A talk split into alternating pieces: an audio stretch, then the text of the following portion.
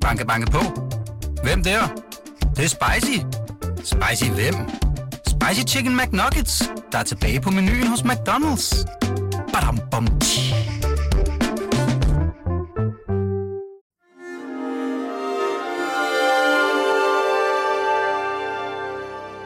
Du lytter til Avistid, en podcast fra Weekendavisen.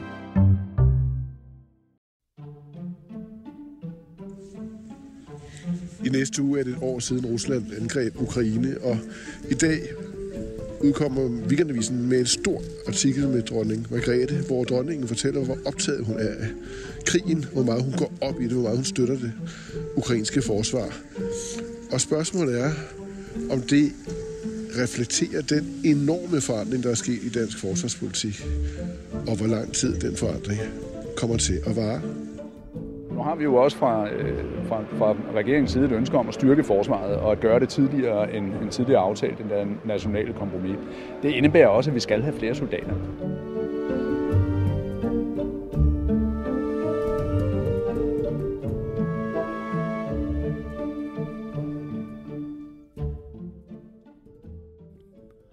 Har du egentlig været i trøjen? Nej, altså ikke ud over den trøje, jeg har på, men øh, ikke som soldat. Det har du ikke? Nej, fordi jeg trak frinummer. Jeg var ellers det, der hedder ubetinget tjeneste dygtig. Det vil sige, at jeg kunne have været elitesoldat i dag. Det er jo en, man skal lige arbejde lidt med billedet, men, øh, men det er den samme trøje simpelthen. men, jeg, men, men prøv at høre, jeg har heller ikke været soldat. Nej. Øh, jeg, jeg blev ved med at få det udskudt, indtil jeg var uddannet journalist i en alder af 26. Og så ja. var jeg til session, og jeg havde lidt den... Jeg ville ikke være soldat, men jeg kæmpede med at blive bedst mulig i den der intelligenstest. Ja. Så det var en underlig, Ja, men det en man- underlig den- den- modsætning. Den kunne man nemlig ikke lade være med at prøve. Nej, vel? Nej. Det var det, man grebet af. Ja. Ja, Nå, der Og, det, og jeg var også tjenestedygtig. Ja, der Altså kommer, u, øh, også ubetinget. der kommer Nå, chefen. er det Han er, han, Ja. Nå, jeg blev kasseret. Jeg, jamen, det kommer ikke, men jeg, det, sagde, jeg, det sagde du vel ikke til majestaten? Nej, jeg prøvede at argumentere for, at jeg var julebenet, om ikke de kunne se, det ville være... Er det rigtigt? Så, så rystede de bare på hovedet. Så kunne du være blevet til garde husar, jo. Ja. Hvad med dig? Jeg, jeg, Du har været i trøjen. Nej, nej, nej, jeg trak frinummer også. Nå, de kiggede på mig, og så f- Ja. fnes den ene lidt og sagde, du skal vist ikke være soldat. Øh, Ja, Tiderne er noget forandret Ja. ja. nu. Mm. Altså, nu står der respekt om vores soldater. Dengang var det fnis og pacifisme og soldater i trøjen med Men, Paul mærk, Hagen. men det, dengang, det var altså, altså en ret kold periode Ja. i den kolde krig. Der Ja. var et kæmpe atomraketter, der pegede lige ned i snotten Ja. på os. Og alligevel, Det måtte nogle andre på en eller anden måde tage sig af. Ja. Vi havde ædlere synspunkter. Ja. og så havde man vel også fornemmelsen af, at den store atomkrig, som truede, kunne man alligevel ikke gøre noget ved. Øh, ja. Ikke med soldater i hvert fald. Hvor ofte går I og tænker på øh, krigen i Ukraine, altså i jeres arbejde? Er det, er det, altså, påvirker det, siver det ind alle Ja, vejen? hele tiden. Ja. Hele tiden. Hver eneste dag. Ikke nødvendigvis i forhold til den konkrete journalistik, men også som bagtæppe for det, fordi det spiller også så stor en rolle øh, i forhold til samarbejdsmønstre på, øh, på Christiansborg. Ja. Jamen, det er rigtigt, men man er jo, altså, man er jo ikke ligesom for et år siden, da det startede, hvor man sad og fulgte troppebevægelser døgnet rundt, og var lige var op om natten og kigge, om fronten skulle have flyttet sig en kilometer, men man er stadigvæk på og følger med hver dag. Og det, er med, og det er med i artikler, der handler om politik næsten uanset hvad. Det, på er en jo, eller anden det har jo spillet en kæmpe rolle i, ja. hvordan politik ser ud lige nu. Hvad med på Christiansborg? Hvor ofte tænker de på Ukraine der, hvis I forstår, hvad jeg mener? Jamen, det gør, de, det gør de jo også hele tiden. Der var et Europa inden den 24. februar, og et andet Europa efter. Og, og jeg tror, man må, må prøve at leve med, at de også mener det alvorligt, at de er bekymret for, hvad der skal ske med Ukraine, og hvad der skal ske med Europa, og hvad der skal ske med samarbejder i verden. Men det indgår også, det indgår også i de sådan, taktiske, mere beskidte Ja. forhandlinger. Vi har 4.000 gange diskuteret det med, med bededagsferien, og skal den finansiere øh, Ukrainekrigen, eller skal den også finansiere noget andet? Det indgår også i det der, for der er enorm alvor og patos Ukraines kamp er ikke bare Ukraines. Det er en styrkeprøve for alt, hvad vi tror på. Vores værdier, vores demokrati, menneskerettigheder, fred og frihed. den, den sætter sig ind alle steder. Den har også betydning for de partier, der holder sammen mod regeringen, altså de 69 partier i oppositionen, de, de holder også sammen om nogle, om nogle standpunkter, som relaterer sig til krigen i Ukraine. Ja. Den fylder virkelig meget. Ja. Men man kan jo sige, at det, det flyttede jo politik allerede fra dag et, fordi det gik jo ikke ret lang tid, så havde man pludselig en helt andet, et helt andet syn på forsvarspolitikken. Ja. Så kunne øh, partier samles om et nationalt kompromis. Vi har truffet store beslutninger om, at vi skulle øge forsvarsbudgettet. Det, vi snakker om, det er jo noget, vi lovede i 2014, ikke har gjort noget ved. Pludselig kunne det lade sig gøre. Vi har med andre ord indgået et nationalt kompromis om dansk sikkerhed. Pludselig kunne det lade sig gøre. Vi kommer tilbage til det der med det store skifte. Det, der også ligesom forklarer, at vi, man nu ikke morer så lidt over, hvordan man kunne, kan, kan slippe for at komme i trøjen. Men Først, hvilke partier, apropos det, I lige taler om her, driver egentlig dansk forsvarspolitik nu? Altså regeringen, det er jo åbenlyst, men der er jo et stort forsvarsforlig bag. Jamen, men der, altså, der er jo næsten alle partier er med på en eller anden måde. Altså det begyndte med det der nationale kompromis, hvor man havde de, de fem gamle partier, som siger, nu går vi op og indfrier det løfte om de 2% langt om længe, øh, og vi finder pengene til det, og så skulle de så alligevel diskutere lidt, hvordan de fandt pengene. Øh, og så er der selvfølgelig regeringen som det centrale, men der er jo masser af lyst til at komme med i forsvarsforliget. Der er jo sådan set kun lige nu Alternativet og Enhedslisten, der allerede har meldt sig ud. Ja. Altså det, er, altså det er regeringen, der driver det, og det er samtlige tre partier, altså af helt indlysende grunde øh, statsministeren som, som, øh, som regeringens leder, Moderaternes chef, som er udenrigsminister, som også har meget med det at gøre, og så den for tiden øh, sygdomsramte eller stressramte Ellemann, øh, som har det som sit, vigt, som sit ressort, som Venstres vigtigste ressort. Det er dem, der driver det. Øh, de andre, som han siger, der er stor vilje til at være med, ja. bortset fra nogle ganske marginale strømninger. Det, det siger jo noget om, øh, netop det med Ellemann siger jo meget om, hvad det fylder, fordi kunne man have forestillet sig for to år siden, at man dannede en flerpartiregering, og så den der anden vælger på ministerpost, der siger forsvarsminister. Aldrig. Nej. Hvis man nu hvis vi bliver det der spor der, hvad betyder det for vores måde at tænke politik og se politik på? Så kommer der et, et øh, forslag, som jo er enormt vidtrækkende historisk om, at nu skal vi jo i øvrigt også have værnepligt for kvinder. Altså, et for, altså det, det er jo en kæmpe forandring i den måde, man opfatter øh, det spørgsmål på. Og alligevel så, så virker det som, nå ja, det skal vi selvfølgelig også have nu. Hvorfor? Hvordan forstår I det politisk? Jamen, man kan gøre meget i øjeblikket, hvis man har det der forsvarssyn på. Man kan, man kan åbenbart øh, pludselig finde masser af milliarder. Man kan også øh, køre det her med, med kvinders værnepligt, pludselig at få det som en, en dagsorden. Der skal ikke have nogen tvivl om, at i Socialdemokratiet går vi ind for, at værnepligten også skal omfatte kvinder, og derfor ligger vi helt på linje med Moderaterne og Venstre. Men det, men det er jo ikke, fordi det er sådan, at Danmarks forsvarsevne står og falder med kvindelig værnepligt. Vi kommer ikke til at mangle soldater. Altså, vi, har, øh, vi skal vel først have den, den egentlige nuværende værnepligt op og køre igen før? Ja, ja, fordi der er jo, altså, der er jo har i overvis været venteliste på at blive indkaldt. Altså, det er sådan, at der, der er jo ikke... Der er jo, der er så mange frivillige, der melder sig. Hvad, hvad handler det så om? At, at, altså, at, at, jeg, jeg, jeg, jeg tror, det er en dybere strømning under fødderne på os, som faktisk startede før Ukrainekrigen. Hans og jeg øh, interviewede Lars Lykke, mens han var nul og niks øh, som formand for det her nye parti.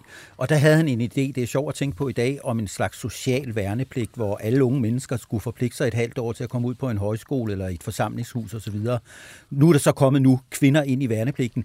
Det handler om, at vi er noget sammen som nation. Det er en stærk konservativ samlende strømning i fædrelandet, som så går 100% i spænd med den trussel, der er mod øh, vores frihed altså, øh, i det sydøstlige altså, hjørne af Europa. Værnepligten, kasernen, var jo i gamle dage, der der var rigtig mange værnepligt. Det er et sted, hvor samfundslagene mødtes, hvor håndværkeren, øh, direktørsønnen, øh, alle klasser, de lå på samme belægningsstue og øh, var sammen. Det var et fællesskab på tværs af alle de skæld, der er i befolkningen.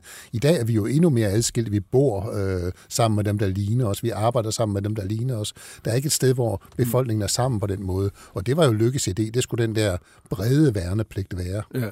Det er en del af den der for store fortælling om pligt og ansvar, som man hører alle mulige steder, og som Ukraine-krigen ja, virkelig massivt understøtter. Pligt og ansvar over for den enkelte selv, og så ja. over for det kollektiv, den nation, som ja. vedkommende er en del af, og egentlig også, hvis man skal gøre det større, Europa og den vestlige alliance. Der er nogle, øh, nogle meget dybe forpligtelser, som gør, at alt det der fnis ja. om, om vi har trukket frinummer og sådan noget, det er jo faktisk utidig snak i dag. Der, men, men hvis det er sådan, hvad kalder du det, en dyb strøm under fødderne mm. på os, er der så egentlig nogen forskel på, skal vi sige, Socialdemokratiets og Venstres forsvarspolitik lige nu?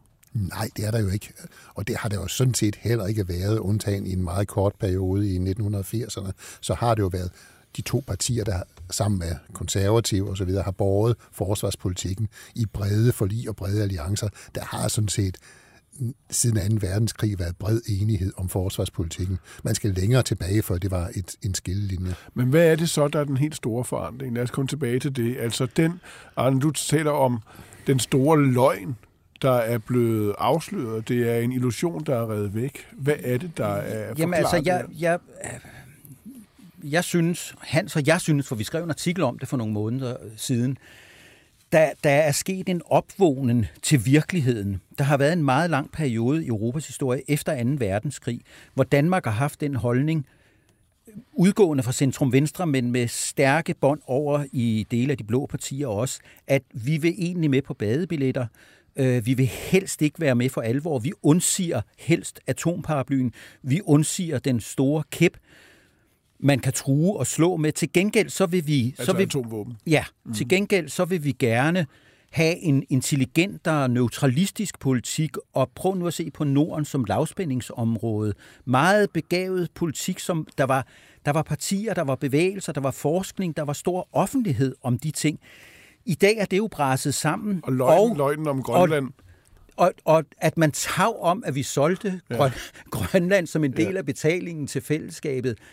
Og samtidig løgnen var jo også det, at så var der jo lande nede i Europa, mens vi drømte om, om, om fred i vores del af verden. De blev så ligesom solgt til stormagtsopgøret. Jeg ved ikke, hvad man skulle have gjort, men, men altså Ungarn 56 og Tjekoslovakiet 68, det gik ligesom uproblematisk ja. ind i fortællingen om, hvordan øh, man, man kunne sikre fred. Men det afspejlede vel en længere historisk fortælling om, om Danmark som en småstat, som lå øh, i en sådan særlig position, hvor vi hele tiden skulle undgå at træffe et klart og tydeligt valg til den ene eller den anden side. Det har i hvert fald været en del af historien, men vi har jo truffet det valg, vi er jo med i NATO. Det traf Socialdemokratiet øh, jo allerede i, da NATO blev stiftet i Og så alligevel jo ikke helt. Nej, fordi vi altid, øh, altså øh, som Arne siger, en badebillet, vi altid godt ville fedte os lidt igennem. Så havde vi alle mulige argumenter for, at vi ikke skulle, fordi det var jo også vigtigt, at amerikanerne havde baser på Grønland. Det var også vigtigt, at vi kunne overvåge øh, indsejlingen til Østersøen. Vi kunne levere noget særligt der.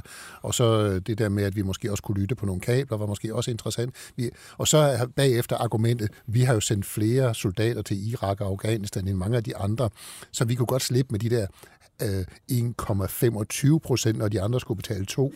Der har altid været sådan lidt fedteri omkring det, og det er, altså i 2014 ved NATO-topmødet, der sagde Helle thorning Schmidt ja til, at vi skulle yde 2 procent af vores bruttonationalprodukt til forsvaret.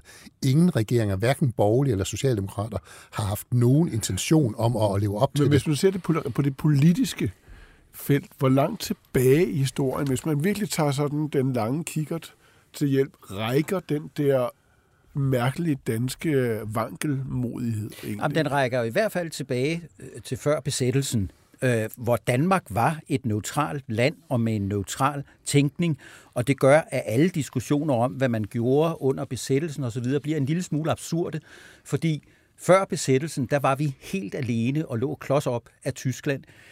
Efter befrielsen, få år efter, der blev vi medlem af NATO, hvor der fuldstændig forandrede betingelserne for at være med, men det var et kæmpe brud med en nordisk vision. Altså, øh, Hedtoft havde jo drømt om det nordiske samarbejde, og skulle så svinge fuldstændig over til at sige, nu er det NATO i stedet for og det skete så på de der halve og kvarte lodder og badebilletter. Men, men det er jo nok, altså, det er jo helt tilbage til 1864, hvor vi sådan set får lært på den hårde måde, at vi ikke er en stor magt. Vi får tæsk øh, og må trække os tilbage og mister hele Sønderjylland og så videre. Der finder vi jo ud af... Men det er bare interessant, vi, for det kunne jo også betyde, at vi tænkte, jamen, det, det, vi kan ikke gøre noget halvt. Vi må ligge os fuldstændig tæt i ski med dem, der kan beskytte os. Ja, men det er jo bare, indtil NATO kommer, er det bare svært at finde ud af, hvem det er. Mm. Øh, det er da ikke så enkelt at, at vælge sin allierede. Dronningen, som, øh, jeg ved ikke, om I har lagt mærke til det, du har, været, du, har, du, har, du, du, du har været lidt, lidt, lidt fraværende mentalt for alle andre ting end, end, end kongehuset. I en måned her. eller noget? Ja, lidt mere, ikke? Men, men det er, når, når man bliver grebet af det royale, så bliver ja. man grebet. Det er altså ikke nemt at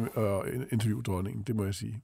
Det, er, det sætter ind i en vis... Øh, i position, som er kommet lidt bag på mig. Jamen, det er jo redaktørerklæring. Ja, ja, ja. Det, det, det, det, det, det, jo, det er, det er, ja, ja, vi er jo øh, royalister på den måde. Men, men dronningen, og det passer meget godt med det, I siger, hun, hun udtrykker sig jo meget, meget, og på en måde også overraskende klart. I den her forbindelse, så lad os lige høre, hvad dronningen faktisk sagde om Ukraine og landets præsident. Altså, jeg, jeg ved ikke på en eller anden måde, øh, ved skæbnens gunst, så var, var han den, der var præsident på det tidspunkt, øh, da russerne sig ind. Og de havde jo ikke regnet med, at han kunne noget, men det kunne han. Ja. Det var ingen af os, der havde troet, at, at det skulle være på den måde. Og så så vi jo, vi så vi jo i løbet af de første døgn, ja. at hov, ja. for gudskelov, de fik ham ikke lige i starten. Og så skal jeg lige så sige, at der var en, der pludselig viste, hvad det, hvad det kan betyde. Det, det er dybt imponerende. Ja. De står jo virkelig sammen. Og ja. det er jo ikke bare, at de står sammen, men de kan simpelthen også gøre, de kan noget. Ja. Når dronningen kan udtale sig på den måde om noget stærkt politisk, så er det jo fordi, det er udtryk for, at det er blevet overpolitisk. Det er det, jeg mener. Det er blevet, Okay. Ja.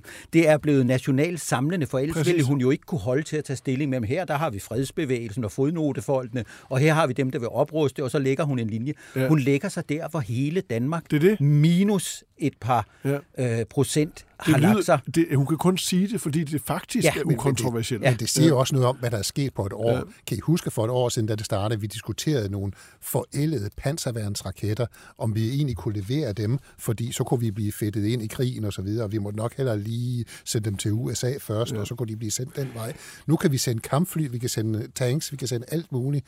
Øh, så, så der er jo også sket noget virkelig. Sådan og det siver jo hele vejen ned i befolkningen, det må man sige. Der er jo ikke, øh, der er jo ikke nogen fredsbevægelse. Har de, er, står der stadig en fredsvagt inden foran Christiansborg? Ja, ja, Måske ja, gør ja, det gør. Ja, ja, det kan man i hvert fald regne og de med. står i fred, kan man sige. Ja.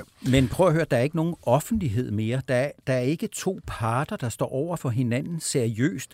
Der er ikke nogen, der kan hævde en røst imod den almindelige oprustningsbegejstring øh, og kamp for Ukraine-begejstring, der er.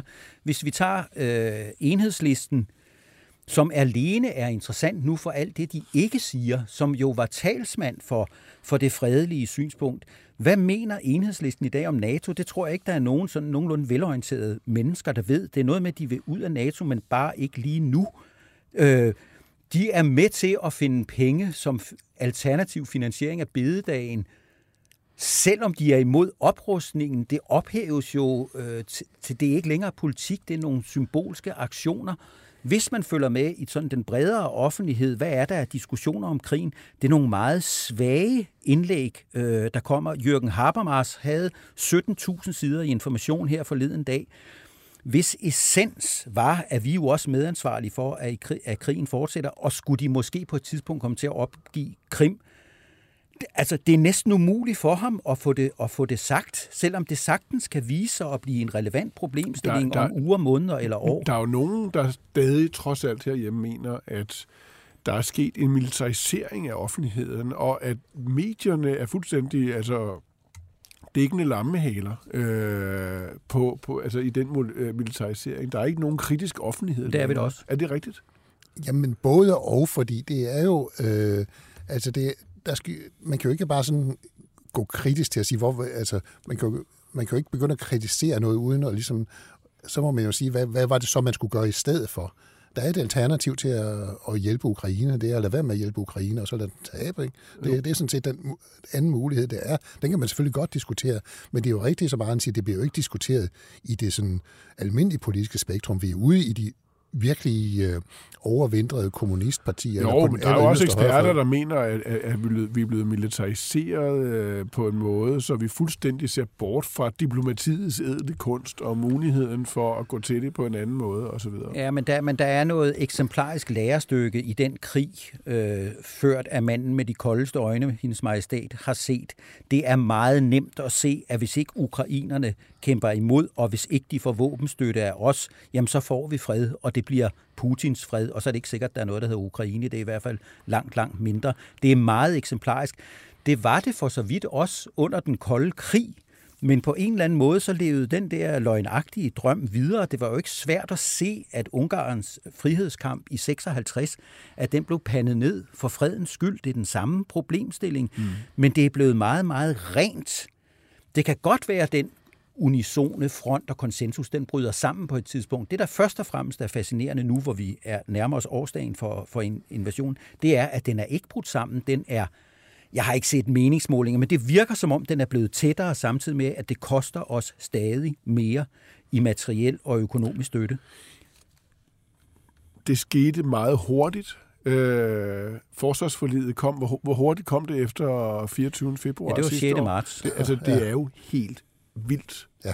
Det er helt vildt, og det var der, I skrev den store artikel, Sildig opvågen, der handlede om, hvordan den store løgn forsvandt. Og, øh, spørgsmålet er jo så, at tror, altså, tror I på, at det er holdbart, det her? Er det et paradigmeskift, som er, vil være vedvarende? For vi taler om et brud med, som I siger det, 150-60 års dansk øh, mangelmodighed.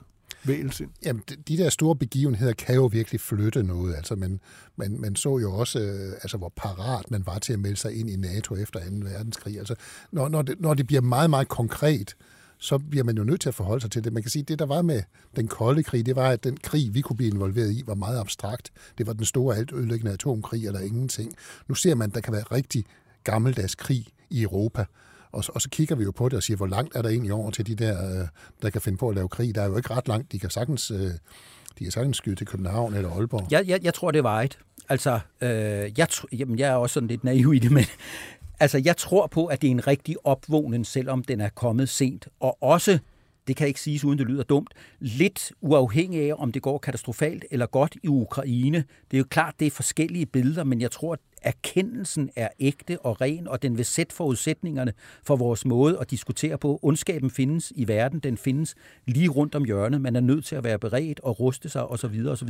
Og hvor- hvornår vil det holde op? Det vil holde op på et tidspunkt, når Rusland har udviklet sig til at være et normalt, nogenlunde fredeligt stormagtsforetagende, det vil sige om rigtig, rigtig lang tid. Fordi det er jo det, der må, det må så være det sidste spørgsmål, og her kan vi jo så vende tilbage til, til øh, Christiansborg øh, og, og spørge, hvor længe kan den politiske undtagelsestilstand så vare? Altså der, hvor man øh, forklarer nærmest alle store politiske tiltag med krigen, hvor krigen siver ind i en forståelse af politik, både den gustne del og den mere idealistiske del. Hvor længe kan det holde? Den, den kan godt holde et stykke tid, men det kommer jo igen an på, hvordan udvikler det sig i Ukraine, hvordan udvikler det sig i Rusland osv. Øh, den kan holde så længe, der er en konkret trussel, øh, og den er jo meget, meget konkret. Jeg, tror, jeg tror også, at det, det kommer til at vare længe. Og i forhold til de store slagsmål, vi har i øjeblikket med bededagen, hvor vi fører en krig om bededagen herhjemme, som har et link til krigen dernede, så tror jeg, at tiden arbejder for regeringskonstellationen. Det kan godt være, at den ikke arbejder godt nok til, at de nogensinde bliver populære, men der er en alvor nede bag ved tingene, som også styrker regeringens krisefortælling. Der er jo det problem med kriser, når de har varet længe nok, så bliver det til normaltilstand, og så vil man ikke have undtagelse mm. osv. Men så længe det går, som det går i Ukraine, og det går jo kun nogenlunde, men opbakningen går det i hvert fald nogenlunde godt med, så vil det, så vil det, så vil det arbejde for øh, regeringen og dem, der vil være med til at, at finansiere forsvaret og, og hjælpen til ukrainerne. Tak for det. Det var Avistid med Hans og Arne. Jeg hedder Martin Krasnik. Det var Birgit Nielsen Petersen, der tilrettelagde og producerede. Tak for det. Vi høres ved allersenest i næste uge. Det er Ja. dig, der har interviewet dronningen, er det ikke? Jo, jo, jo. Hallo? Det er det. Det er da noget. Du kan da godt være blevet øh, kommet i garden. Du har da, du har da højden Jeg til har det. højden til det. Ja. Ja. Ja, ja. Der har, Men det er jo så også det, det, er jo så også det eneste. Senior, seniorkorps inde på, uh, inde på Slotspladsen. der har jo været flere, eller i hvert fald en øh, skikkelse her fra det berlinske hus, som jo kom ganske langt i kongehuset. Ja, Michael Ehrenreich. Ja. ja han, Han var helt til tops. Hof, øh, marskal. Ja, Ja, du skal jo have sådan nogle gamache, du skulle have sådan nogle gamasher på, men det er jo ikke i sig selv grimt. Ja. Altså, er, øh, Så skal man står med sådan en stav. Ja, det, det, sådan det, en det, der- jeg kunne godt være blevet en øh, udmærket soldat. Sno. Nå, soldat, ja. ja.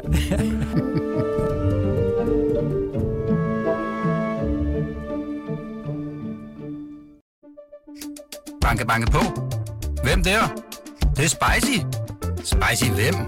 Spicy Chicken McNuggets, der er tilbage på menuen hos McDonald's. Badum, bom, tji.